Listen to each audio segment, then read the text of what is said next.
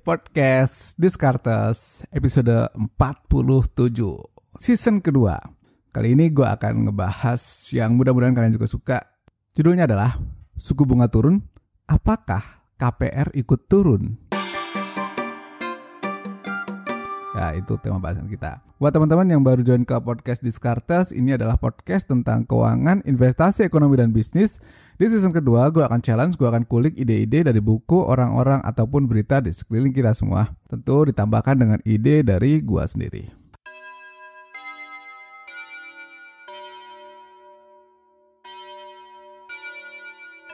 Oke okay guys, terutama ini buat alien-alien yang mau cari rumah, mau nambah properti pengen tahu nih kenapa gimana eh, KPR yang dari bank apakah ikut turun seandainya bank sentral menurunkan suku bunganya kalau berbincang soal bunga, gue harus jabarin dulu sedikit mengenai kondisi bunga di Amerika Serikat. Dari Bloomberg beberapa waktu yang lalu, gue sempat baca dan mereka menyebutkan bahwa pas rapat FOMC ya itu adalah rapat uh, bank sentral di Amerika Serikat. Powell bilang akan tetap pada posisi dovish.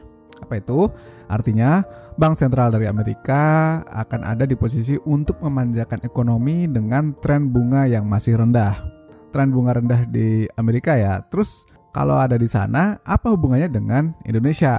Wait, sabar guys. Oke, kita sabar dulu. Sekarang dengan sikap dari The Fed yang dovish terus masih ke tren bunga yang rendah, artinya sebetulnya masih ada ruang buat Bank Indonesia mengikuti dengan menjaga 7-day reverse repo rate di level yang rendah juga. Memang sebetulnya kita ada di posisi bunga yang paling rendah dibandingkan dengan beberapa tahun yang lalu. Sudah dalam tren yang turun dari tahun ke tahun. Jadi buat teman-teman kalau yang mau tahu gampangnya gini, pas Mei 2020 rate bunga di kita itu 4,5%. Terus turun lagi nih Juni 2020. Turun lagi Juli 2020 4%. 4% ini cukup lama sampai di Oktober masih 4%, pas November 2020 turun menjadi 3,75%. BI 7 day-nya. Terus dari November, Desember, Januari 3,75%, Februari 2021 turun 7 day reverse repo rate menjadi 3,5%.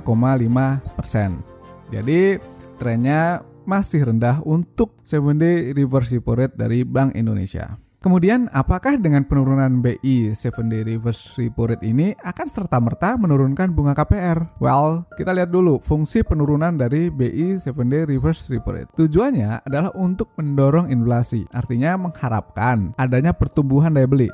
Jadi bank sentral itu berharap kalau kreditnya turun, orang-orang punya daya beli, punya uang untuk memutar ekonomi. Tapi nyatanya bank itu belum bisa ikut menurunkan secara signifikan suku bunga kredit. Coba tanya, kenapa nih? Kenapa guys? Jadi gini, kredit yang ada di perbankan itu dipengaruhi sama cost of fund, administrasi, dan premi risiko.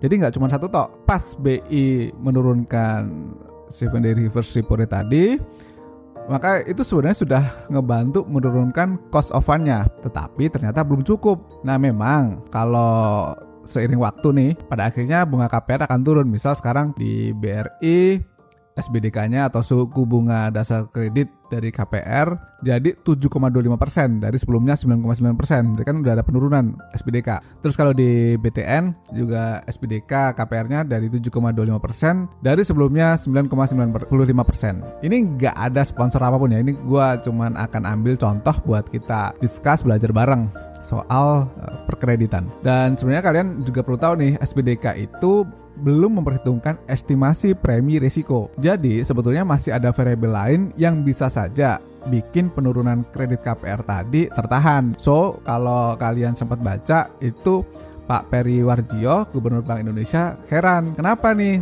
7 day reverse repo rate udah turun, kok bunga KPR belum turun gitu. Memang variabelnya ternyata nggak hanya suku bunga dari bank sentral, masih ada variabel-variabel lain yang harus diperhitungkan oleh bank apakah dia bisa menurunkan KPR secara signifikan atau enggak. Terus kalau kita sebagai pembeli properti, apa nih yang harus dilakukan? Apakah kita harus nunggu-nunggu nih ada kredit yang turun atau kayak gimana? Atau kita baru akan beli properti seandainya uh, kreditnya turun banget atau memang pas perlu. Jadi gini, ada beberapa poin, nggak beberapa sih, dua poin aja yang pertama adalah ingat, kamu beli properti bukan karena bunga yang turun. Kenapa sih kalian itu beli properti? Karena kalian butuh kan? Entah itu digunakan untuk sehari-hari atau entah akan digunakan untuk bisnis. Apa kalian membeli karena mengincar diskonan rate bunga yang sedang turun? Kan itu poin plus saja, poin kedua gitu kan. Ini terutama buat kita-kita yang masih di level retail nih kecuali memang kita berniat untuk mengkoleksi 100 rumah digunakan untuk bisnis dan semacamnya maka memang akan sangat menunggu momen penurunan KPR tetapi kalau kita pakai sendiri terus mempersiapkan dengan dana yang sudah ada menurut gua yang harus diperhatikan adalah karena kita memang butuh atau karena kita memang ingin bukan karena faktor bunga turun. Faktor bunga turun itu menjadi bagian ya udahlah bonusnya sisi plusnya. Oke itu yang pertama. Terus poin yang kedua adalah apakah kamu akan punya duitnya?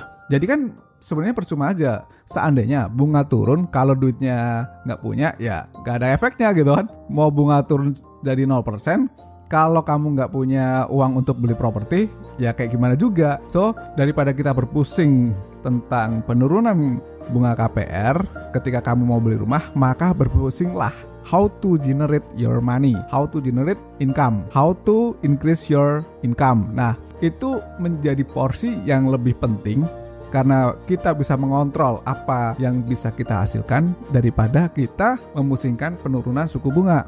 Kenapa? Karena itu kan nggak bisa kita kontrol. Itu udah kekuasaan dari bank sentral yang mengurusi moneter, bukan kita gitu loh. Nah, itu dua dulu aja, maka kita akan punya mindset yang lebih nyaman ketika akan membeli properti, ketika akan memperhitungkan bunga dalam mengkolek atau menaikkan aset dalam bentuk properti. Kalau sudah paham soal itu, tentu akan lebih aman dan nyaman. Jadi next kita akan bahas yang lain. So sampai jumpa lagi di podcast Discartes episode selanjutnya. Thank you and bye.